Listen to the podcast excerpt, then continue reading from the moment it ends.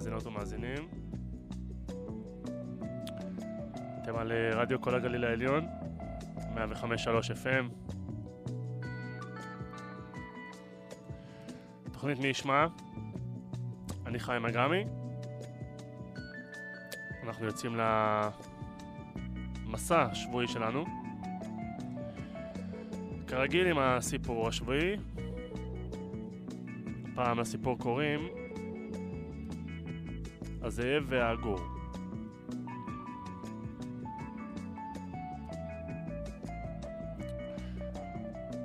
הזאב היה שקוע בזלילתה של חיה שהרג.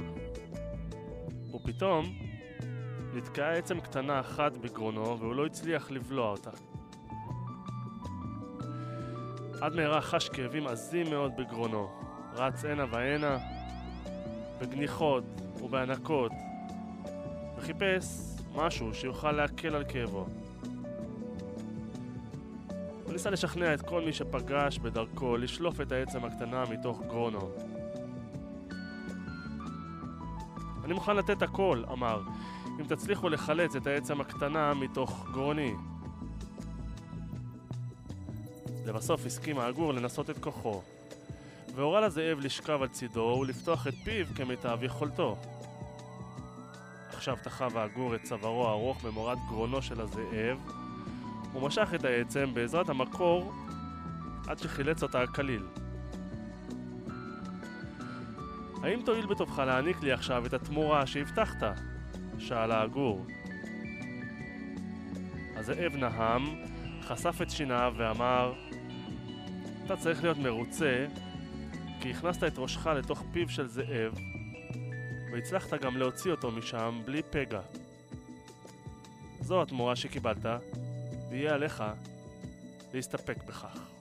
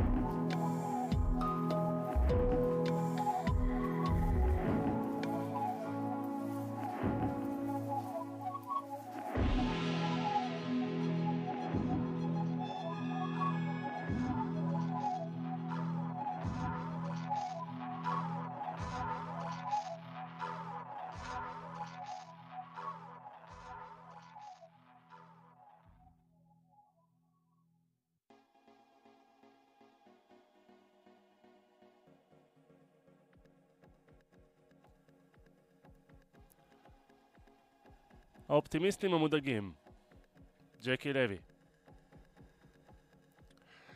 לפני שבועיים התעוררנו מוקדם. הכנתי קערת דייסה גדולה לילד וקפה קטן לי. בחודשים האחרונים הילד עבד על מכונת האספרסו של בית קפה ירושלמי נחמד, ודווקא בבוקר הזה הוא החליט להתנקות קצת מקפאין. הערתי לו שהספר הגזים לגמרי עם הגלח. הוא מלמל משהו שהצלחתי להבין מתוכו שהכל סבבה. כשהתברר סופית שלא שכחנו כלום, אין עוד תיק לארוז, אין עוד שטות למלמל, ואין לי עוד יותר ידיים כדי לחבק, עלינו על הקטנוע. רק שלא נסתבך בפקקי הבוקר של עיר הנצח. ונסענו אב ובנו ללשכת הגיוס, גבעת התחמושת. אם להיות אובייקטיביים לרגע, מדובר בנסיעה קצרה ביותר.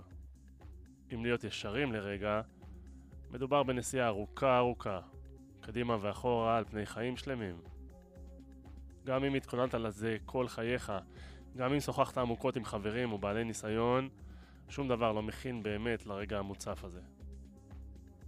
כאבא גרוש לא יכולתי שלא לחשוב על כל האבאים שנותקו מילדיהם ובכלל לא ידעו על תאריך הגיוס. זה לא מובן מאליו שאני מסיע אותו לגיוס, ותודה לאל על חסדים קטנים. זה היה לפני שבועיים, ועכשיו סוף כל סוף אני מסוגל למצוא מילים ולספר. כשהגענו למקום כבר היו שם לא מעט בני משפחה. חיבוקים, צילומי סלפי, אחים וחברים והורים ומשקפי שמש. המון משקפי שמש.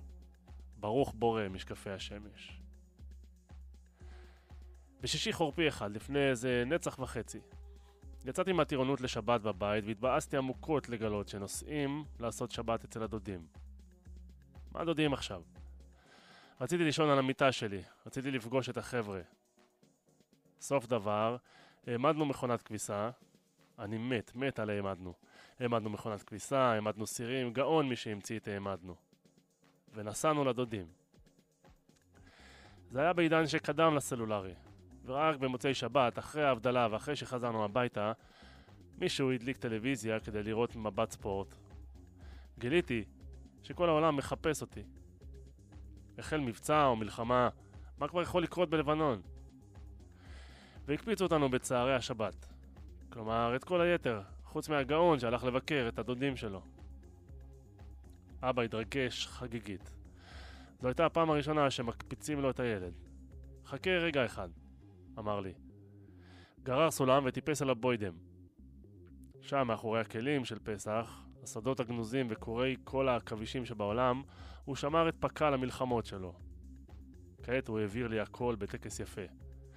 גטקס מתקופת פעולות התגמול, תחמושות אישיות שנוילונו לקראת הקרב על מצרי טיראן, גרביים מכיבוש רמת הגולן, ופלים מצופים מתעלת סואץ, פנס, סכין פלסים, כפפות, ומחמם צוואר מקרב ווטרלו, ופותחן חלוד, כנראה מכיבוש יריחו, ואני מדבר על יהושע בן נון. יחד, סידרנו הכל בקיטבג שלי. יפה יפה. אלא שפתאום הגיע טלפון אחד נוסף. מתברר שגם את אבא מגייסים. האמת, הוא היה נעלב מאוד אילולא גיסו. תסלח לי מאוד, הוא אמר בחביבות. אתה טירון, אתכם ישלחו להחליף מילואימניקים בעורף. את הזקנים ייקחו ישר פנימה. לא ככה? הוא העביר את כל ערימת הציוד על התיק שלו, תדה על התיק מתקופת גדוד נהגי הפרדות או משהו, ויצאנו יחד לתחנת ההסעה. גם על זה חשבתי בדרך לגבעת התחמושת. המקום שתמיד יעורר את המילים בסך הכל רציתי לחזור הביתה בשלום. ברוך בורא משקפי השמש. כבר מזמן הוא גבוה ממני, הילד. מדי פעם מתכבד לקחת ממני ג'ינסים ישנים, אבל הנעליים שלי קטנות עליו בשתי מידות. כשהוא יושב מאחוריי על הקטנוע, אני נזכר דווקא בנסיעות היומיות לגן. לפני 15 שנים ויותר על האופניים הירוקים. לא הייתי אבא צעיר במיוחד, והיה לי עונג עמוק לדווש ולקבל חיוכים ותשומת לב מכל עובר ושב שהריע לילד היפה בקסדה ובמשקפי שמש, שצהל בכיסא האחורי. היה לנו משחק נהדר. הדרך אל הגן עברה בשוק ובמרכז העיר, כך שבמהלך הנסיעה תמיד פגשנו בסנאיות שפרקו סחורה על הבוקר. המשחק היה לזהות על פי הציורים שעל המשאית מה הסחורה שלה, ולצעוק בקולי קולות בננות העמק, ביצים, חומרי ניקוי. פעם אחת הייתה שם משאית של חולצות לקוסט, והילד שאג, תנינים! תנינים, אני צועק לעצמי בתוך הקסדה בדרך לגבעת התחמושת. מעבר להסיס הזיכרונות הקטנטנים ששטפו אותי בבוקר ההוא על הקטנוע, היה שם דבר אחד חשוב ועמוק הרבה יותר. זה שנים שאני שובר את הראש בסוגיית מקומה החמקמק של האופטימיות בחיינו. האופטימיות הפרטית שלי כבר הובילה אותי למקומות מוצלחים, והיא גם הפילה אותי לתלאות שאני לא מאחל לשונאיי.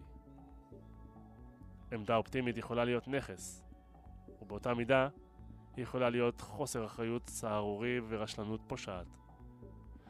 אבל ברגע שאתם רואים את הילד המסופר שלכם מעמיס את התיק הענק על הגב ועולה במדרגות לקראת הדלת ההיא שמאחוריה הוא כבר חייל, אתם נכנסים למועדון הבוגר והמפוכח של האופטימיסטים הזהירים. מודאגים עד העצם, חרדים, לא עוצמים עין, אבל אופטימיים. מאמינים בטוב, פשוט כי אין ברירה אחרת. מחקרים מראים שכל מי שהשקיע כמה שקלים באיזו מניה, מתחיל פתאום להאמין בפירמה ובמצרים שלה. אז מה נגיד על מי שמפקיד את היקר לו מכל בידיה של המדינה? ובכן, קוראים יקרים, אין ספק שכותב שורות אלה עושה את צעדיו הראשונים במועדון מיוחס. לב ליבו של ההסכם הלא כתוב בין האזרח לבין מדינת ישראל. אני אופטימי. לא יכול לחשוב על צעד יותר אופטימי מלגייס ילד. אבל זאת האופטימיות הכי מודאגת שיש. את הקטע הזה כתב ג'קי לוי.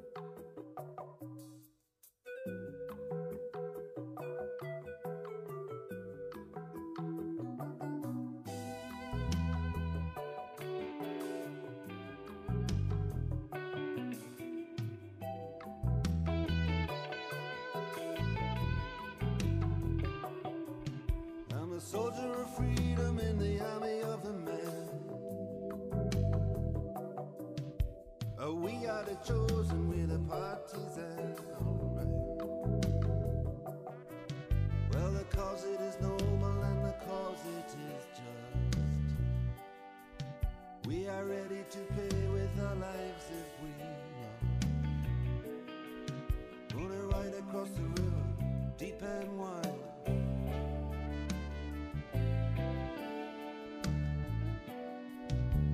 Right across the river to the other side.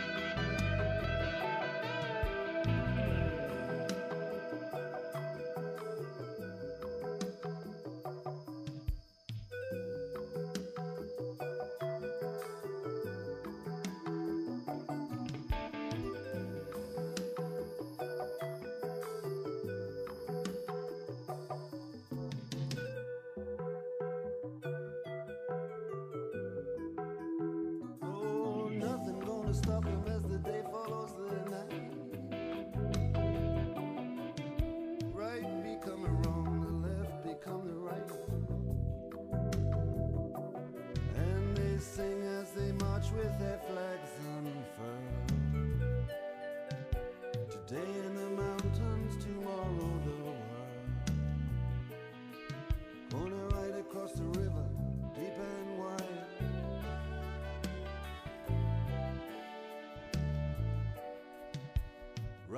Across the river to the other side.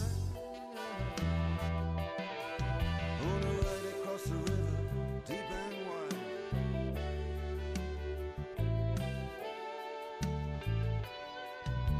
Ride across the river to the other side.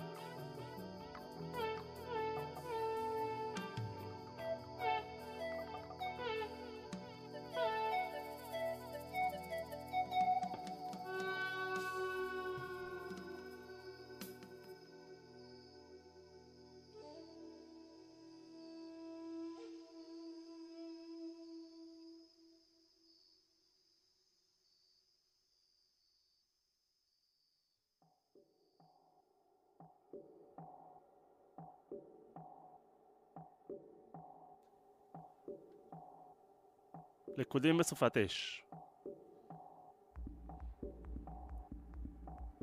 צופר האזעקה הראשון נשמע זמן קצר אחרי שבע וחצי בערב, ב-23 בפברואר 1945. יותר מ-370 מטוסים בריטים היו בדרכם אל פפורצהיים, עיירת שדה בדרום מערב גרמניה. הם כבר חצו את הריין והתקרבו בטיסה נמוכה ומהירה. לתושבי העיר היו פחות מחמש דקות למצוא מחסה. נערה מתבגרת אחת, הנלורה, שוטגן, רכבה על אופניה ברחובות העיר כאשר נשמעה אזעקה. פקח הגנה אזרחית הורה לה לעצום מיד ולהיכנס למקלט הקרוב ביותר. הנלורה עשתה כדבריו וירדה אל מרתף שבו כבר תפסו מחזה שמונה נערות של שירות העבודה של הרייך, ופקח אחד. הם הצטופפו סביב מכשיר רדיו והקשיבו להודעה. קבוצות גדולות של מטוסי אויב מתקרבות אל האזור שלנו. דקות מעטות לאחר מכן החלה התקפה. בום בום בום. מאות מפציצי לנקסטר החלו להטיל את פצצותיהם. מטרתם הייתה לא רק להחריב את העיר, שבטעות סברו שהיא מרכז לייצור פצצות מדויקות, אלא ליצור סופת אש שתמחק את כל המרכז ההיסטורי של העיר. על תושביו. כל מה ששמענו היה פצצה אחרי פצצה, סיפרה הנלורה. צרחות וצווחות ורעש של דברים נשברים. נדמה היה שהבית כולו זז. חלק מן התקרה נפל. האם הבית עומד לקרוס עלינו? האם הוא עומד לקבור אותנו חיים? פני הקרקע מעליהם הייתה עיירה ללהבה עצומה אחת. יותר מ-90% מן הבניינים שבמרכז העיר כבר בערו. בליבה של סערת האש התקרב החום לטמפרטורה מדהימה של 1,600 מעלות צלזיוס, חום שהפך קורות מתכת לנוזל. זו הייתה החוויה המבעיטה להנלורה ולשאר הנערות. הקירות זזו וחתיכות של גבס נפלו כל הזמן לתוך החדר. אבק ועשן. כיסינו את הפה והאף בבדים רטובים. עכשיו נשקפה להם סכנה ממשית שהבניין שמעליהם יקרוס תחתיו וימחץ אותם למוות. דלת היציאה נחסמה בשברי בניינים שקרסו, ועשן סמיך החל לחדור אל המרתף. מתוך ייאוש החל הפקח להקיש על הקיר בתקווה למצוא בו נקודת חולשה ולפרוץ משם דרך למרתף סמוך. אבל לא היה שום מוצא. הדבר היחיד שאפשר לעשות עכשיו הוא להתפלל, אמר. כשנעשו החום והעשן קשים מנשוא, עשה הפקח עוד ניסיון לשבור חור בקיר המרתף. הפעם הצליח לעקור לבנה אחת, ואחריה עוד אחת, עד שלבסוף נפער בקיר חור גדול די הצורך, והנערות יכלו להידחק ולעבור בו. מיד לאחר שהגיעו לביטחון היחסי של המרתף הסמוך, התמוטט המרתף שזה עתה פינו, וטונות של חלקי בניין קרסו ונפלו עליו. רבים מ-17 אלף תושבי העיר שנספו בלילה ההוא כבר לא היו בין החיים. הם נכתשו בפצצות, נמחצו תחת בניינים קורסים ונחנקו מחוסר חמצן. זה היה סוף נורא, אבל מהיר, למרבה החסד. הפקח שדאג להנלורה ולנערות האחרות חשש מאוד שהם ייפגעו מגז רעיל. הוא הצליח לפתוח בכוח דלת שהובילה לרחוב והורה לכולן לצאת. הנלורה יצא בעקבותיו, אבל האחרות היו מפוחדות מדי ונשארו מאחור. להבות עצומות בכל מקום, ים של אש, כמו סערה יוקדת. קירות אדומים לוהטים לגמרי ושברי הריסות ענקיים, שגם הם היו אדומים לוהטים. איי חורבות לוהטים חסמו את הרחובות, ובני אדם התרוצצו בייאוש ברחובות הבוערים וחיפשו דרך להימלט. אחדים יצאו לקראת הנלורי. אי אפשר לעבור פה, קראו. זה חם מדי. היא פנתה לחזור ופגשה עוד פליטים. אין דרך מוצא, צעקו. רק חום, חום. עכשיו החליט הפקח החלטה שעתידה להציל את חיי שניהם. הוא אמר לאנלורי לכסות את ידיה ופניה ובמעילה, ולעבור בריצה את הרחוב הבוער בדרך אל הנהר. זו הייתה תקוותם האחרונה. המשיכי להתקדם, צעק בשעה שרצו בתוך הלהבות. צעד אחר צעד. לבסוף, הגיעו השניים אל שפת הנהר וצנחו אל שפת המים. כאן היו מוגנים יחסית מפני החום הנורא. הנלורי רבצה במים ורק אפה בצבץ מעל פניהם, והתמקדה בשאיפת חמצן לתוך ריאותיה. היא הצליחה. היא נותרה בחיים.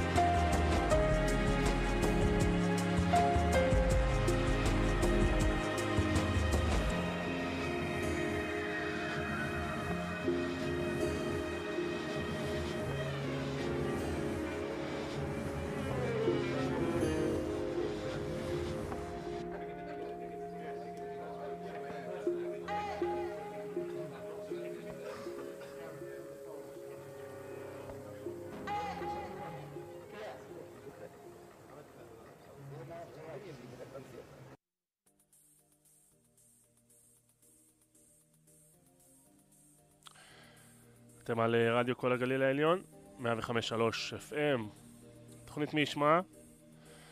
אם אתם רוצים לשמוע תוכניות עבר, אתם יכולים להיכנס לספוטיפיי, לרשום בחיפוש מי ישמע בעברית או באנגלית, תקבלו את התוכניות האחרונות.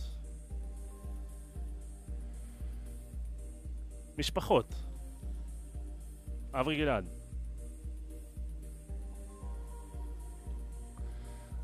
הגברים האומללים האלה, שעולה להם הזר על הראש, זורעים סביבם הרס ברמות של פצצת מצרר לחיים של משפחה.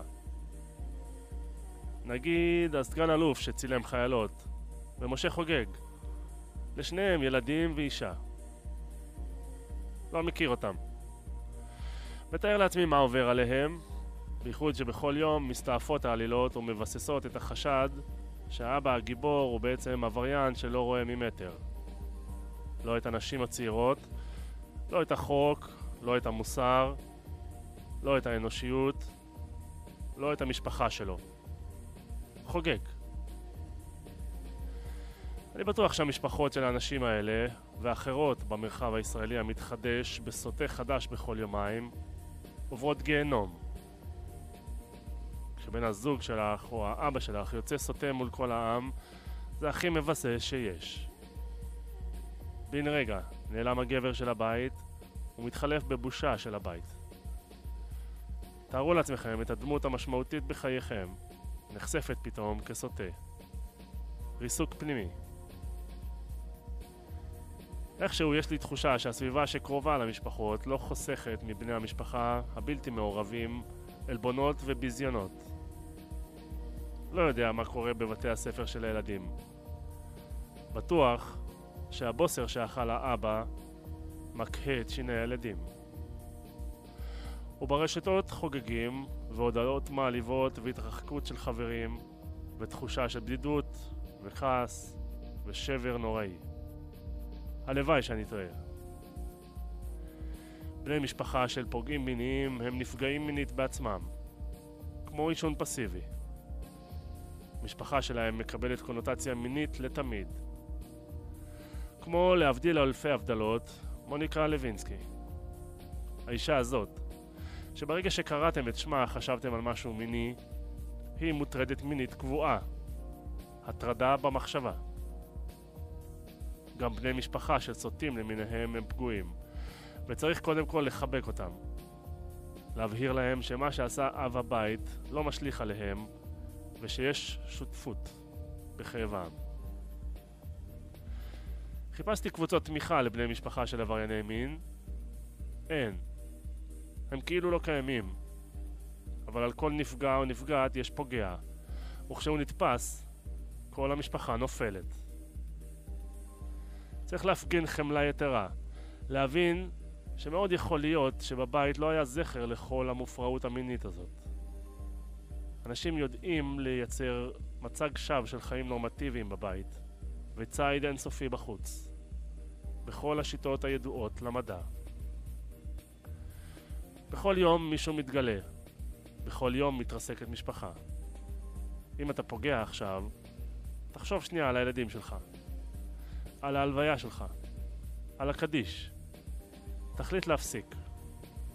עכשיו. את הקטע הזה כתב אברי גלעד.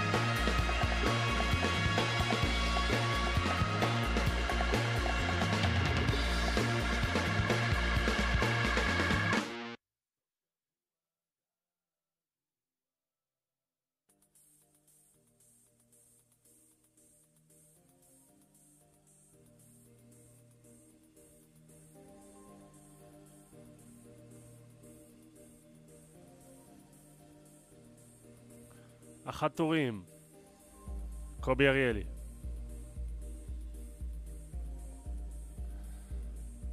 אני ממש מתנגד לחוקים חינוכיים, כמו מיסוי על משקאות מתוקים וכדומה. אבל אם היה בכוחי והייתי מתיר לעצמי לחוקק חוק חינוכי, היה לי השבוע רעיון מצוין לחוק כזה. החל מהשבוע החל לפעול בארץ היישומון גוגל פיי, שבאמצעותו ניתן לשלם ללא כסף, ללא כרטיס, ללא קוד ואפילו ללא הפעלת היישומון.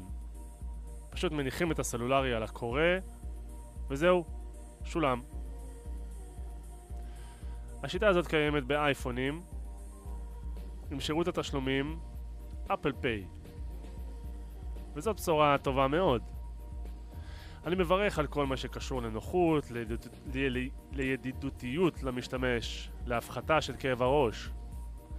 העניין היחיד הוא שבשורה כזאת, שבשורה כזאת, היא עוד מכה די אנושה לפלח אוכלוסייה סמוך, סמוי, שלא מרבים לדבר בו. נטולי האחריות הכלכלית. מכיוון שגם אני קצת בעסק, פעם הגדרתי את ההבדל בין האחראים כלכלית ללא אחראים כלכלית כהבדל בין בעלי מוח חד-טורי לבעלי מוח דו-טורי. לבעלי הסוג השני יש מערך פנימי הגיוני שבו שני טורים הוצאות מול הכנסות, משימות מול ביצוע. הם מקבלים החלטות, פועלים, כשכל הזמן מתבצעת תקשורת בין שני הטורים. כשמוציאים כסף הוא נגרע מטור ההכנסות ועובר לטור ההוצאות. כשאין כסף בטור ההכנסות, יודע הדו-טורי שאין באפשרותו להוציא. אז הוא נשאר עם הקרדיגן הישן, למרות שיש לו צ'אפים. לחד-טורי לעומת זאת, יש במוח אותם נתונים, אבל הם לא מחולקים לטורים, כך שאין להם שום משמעות. שום דבר לא נגרע משום מקום ולא עובר לשום מקום. הוא מוציא ומוציא ומוציא. פעם, כשקנייה הייתה סחר חליפין, זה לא היה משנה אם אתה חד-טורי או דו-טורי. או שיש לך זהב לשלם על החיטה, או שאין לך. כשבא הכסף, החד-טורי עוד איכשהו הסתדר. כשהחל האשראי ובאו הכרטיסים, הוא נדפק לחלוטין.